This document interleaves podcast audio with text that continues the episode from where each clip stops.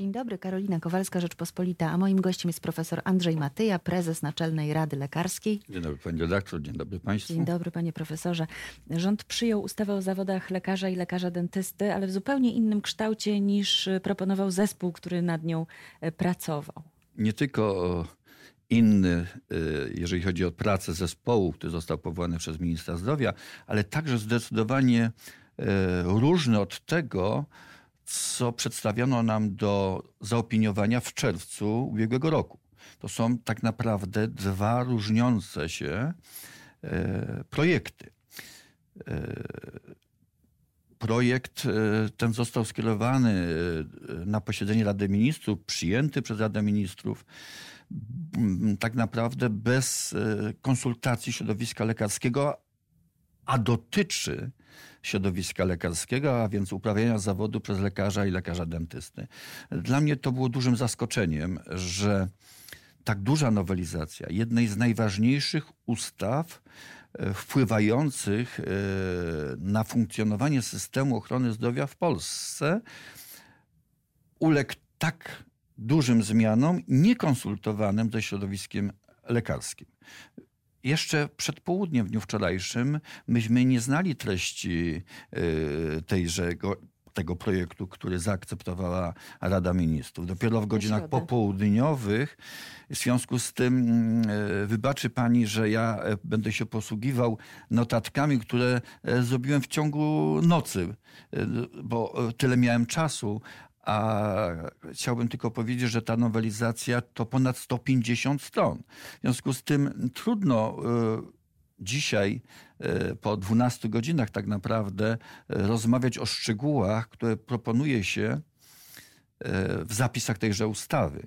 Ale stąd też w dniu dzisiejszym podjąłem taki apel do Komisji Zdrowia e, Sejmu Rzeczpospolitej, aby e, ze względu na szczegółowość materii, ważność tejże ustawy, powołać podkomisję zdrowia, która by się zajęła, żebyśmy mogli jeszcze raz przedyskutować fundamentalną ustawę dotyczącą funkcjonowania systemu ochrony zdrowia w Polsce. Chyba największe kontrowersje budził zapis o tym, że lekarze ze wschodu z państw trzecich będą mogli uzyskać takie tymczasowe prawo wykonywania zawodu, zanim nostryfikują dyplom. Czyli za zgodą dyrektora szpitala będą mogli bez właściwie prawa wykonywania zawodu w Polsce operować na przykład. Mm, to jest jeden tylko z takich kontrowersyjnych zapisów.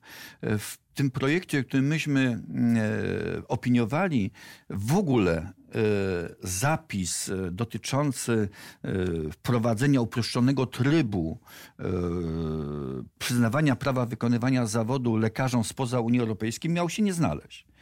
Miało się znaleźć nowelizacja systemu kształcenia specjalizacyjnego lekarzy i lekarzy dentystów w Polsce. Nagle ten punkt został oto o te zapisy, o te zapisy rozszerzone. E, w związku z tym e, te zapisy, które się pojawiły, w ogóle nie były z nami konsultowane. I mm, dla mnie wątpliwe jest to, że z punktu widzenia bezpieczeństwa naszego pacjenta, że tak bezkrytycznie można zezwolić lekarzowi, który uzyskał wykształcenie lekarskie czy specjalizacyjne poza Unią e, Europejską, e, dopuścić go do świadczenia usług medycznych w Polsce.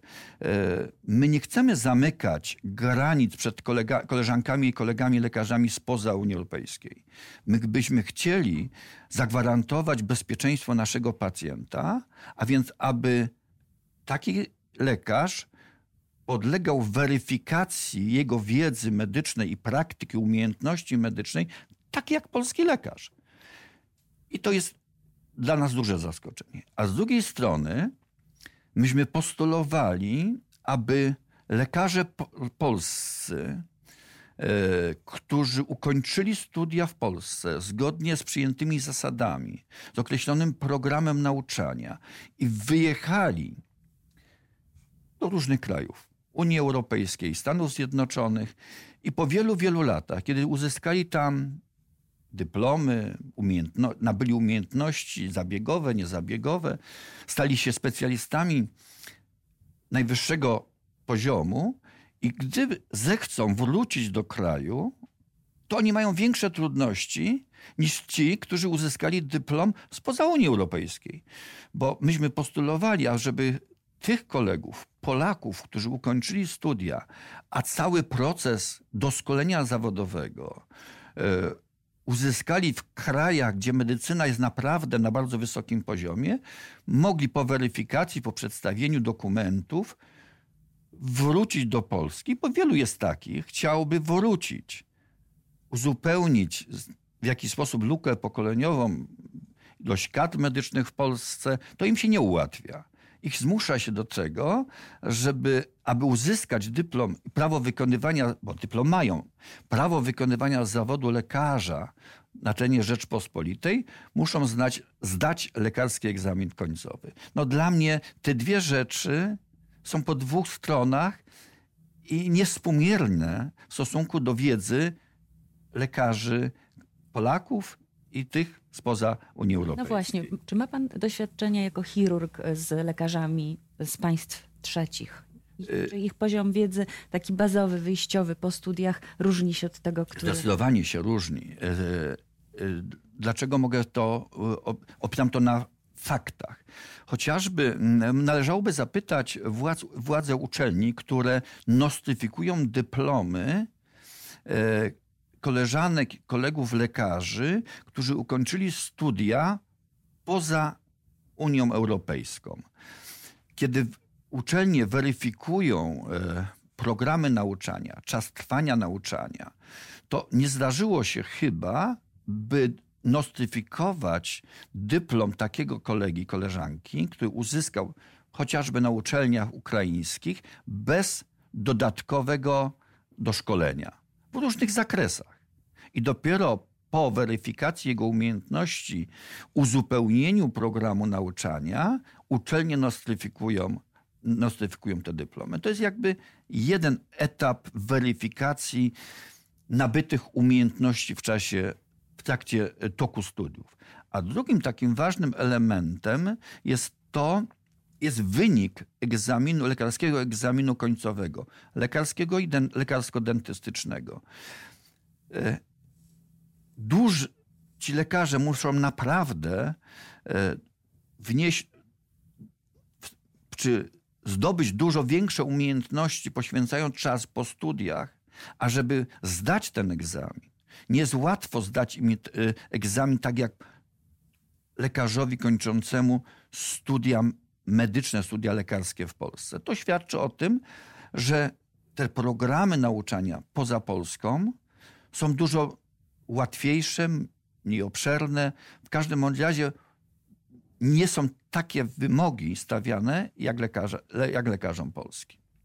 Stąd też ta nasza obawa. My nie chcemy zamykać rynku pracy dla, dla lekarzy spoza Polski, ale chcielibyśmy zagwarantować naszym pacjentom bezpieczne bezpiecznego lekarza, bo nie ma bezpiecznego lekarza, bezpiecznego pacjenta i bezpiecznego pacjenta bez bezpiecznego lekarza.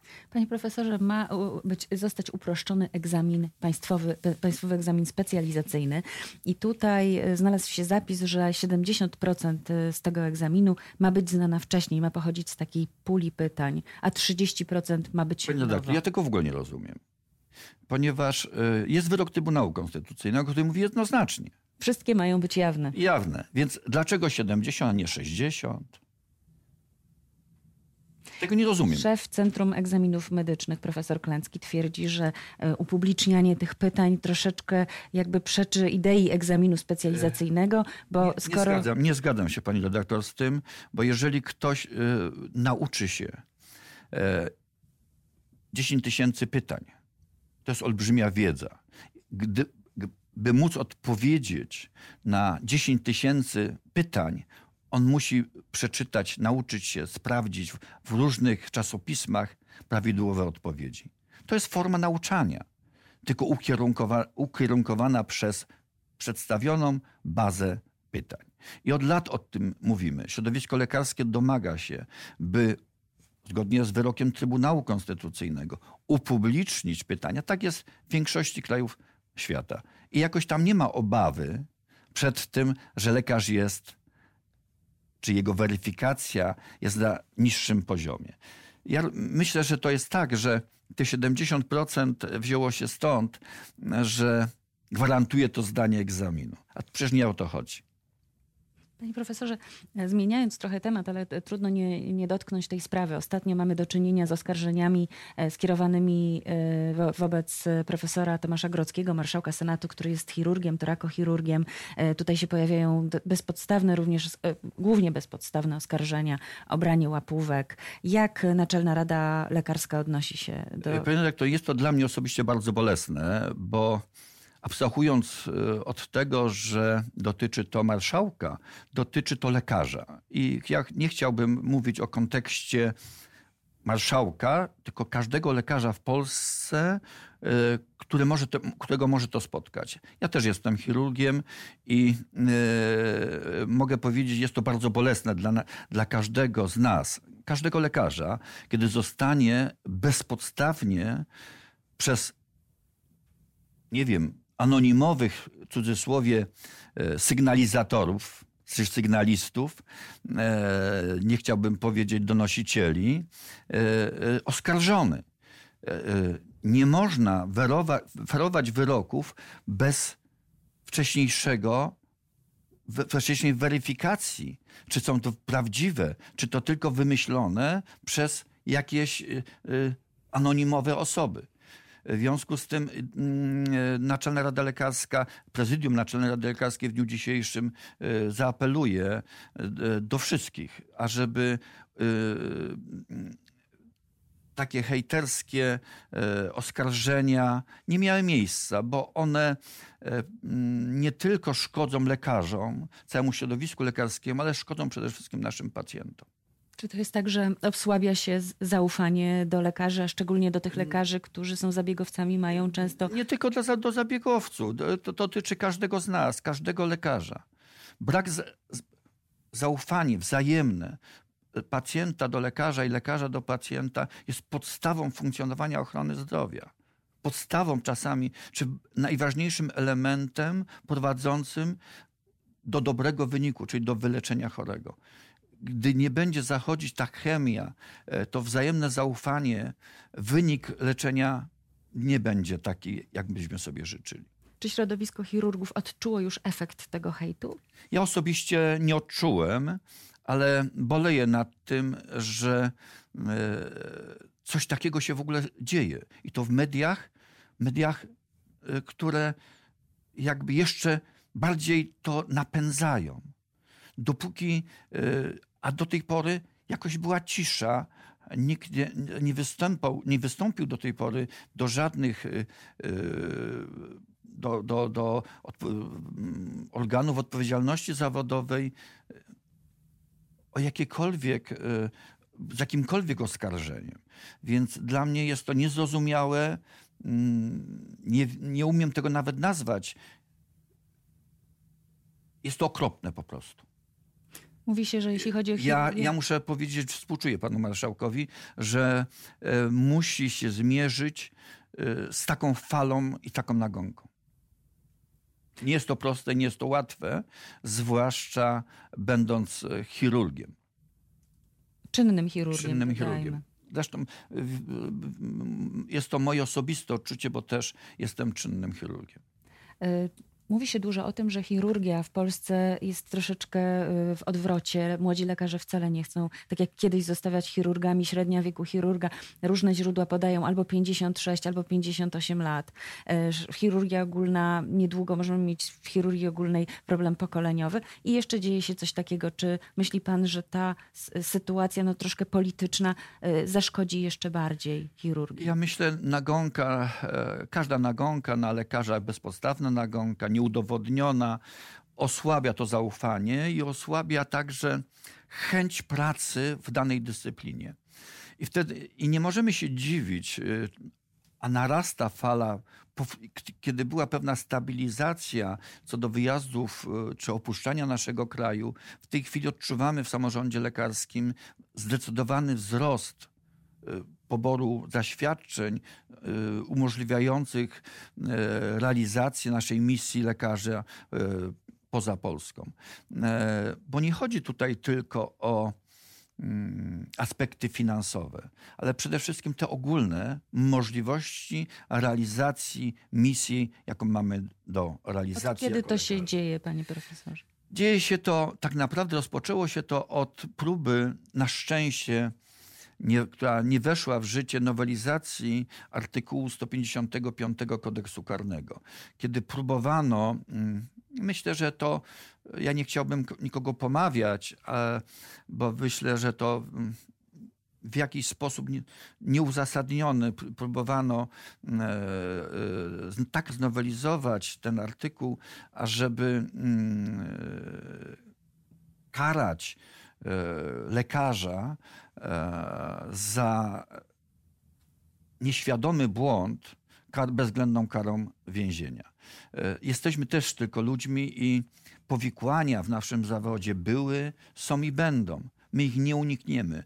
Pomimo zdecydowanemu, fantastycznemu postępowi cywilizacyjnemu, y, rozwoju techniki, którym my, my możemy, to my możemy przyjąć, zastosować dla dobra naszych chorych. Dodajmy, że powikłania czasami są zupełnie niezależne od działania ludzkiego. W większości powikłania są związane z tym, że e, różne są powody, czasami nie tylko w związku z wykonywaną procedurą, ale ze stanem ogólnym chorego. Panie profesorze, ostatnie pytanie. Czego możemy sobie w takim razie życzyć w związku z tym hejtem, który się niestety odbija finalnie na zdrowiu pacjentów? Cóż, cóż bym sobie mógł życzyć? E, wszystkim nam, aby e, być dobrym w stosunku do siebie i mieć zaufanie, a nie traktować się jako wróg. My nie jesteśmy wrogami pacjentów, my jesteśmy tak naprawdę po stronie pacjentów. Dziękuję bardzo. Dziękuję bardzo. Dziękuję. Moim gościem był prezes Naczelnej Rady Lekarskiej profesor Andrzej Matyja, a ja zapraszam na Rzecz o Prawie na poniedziałek.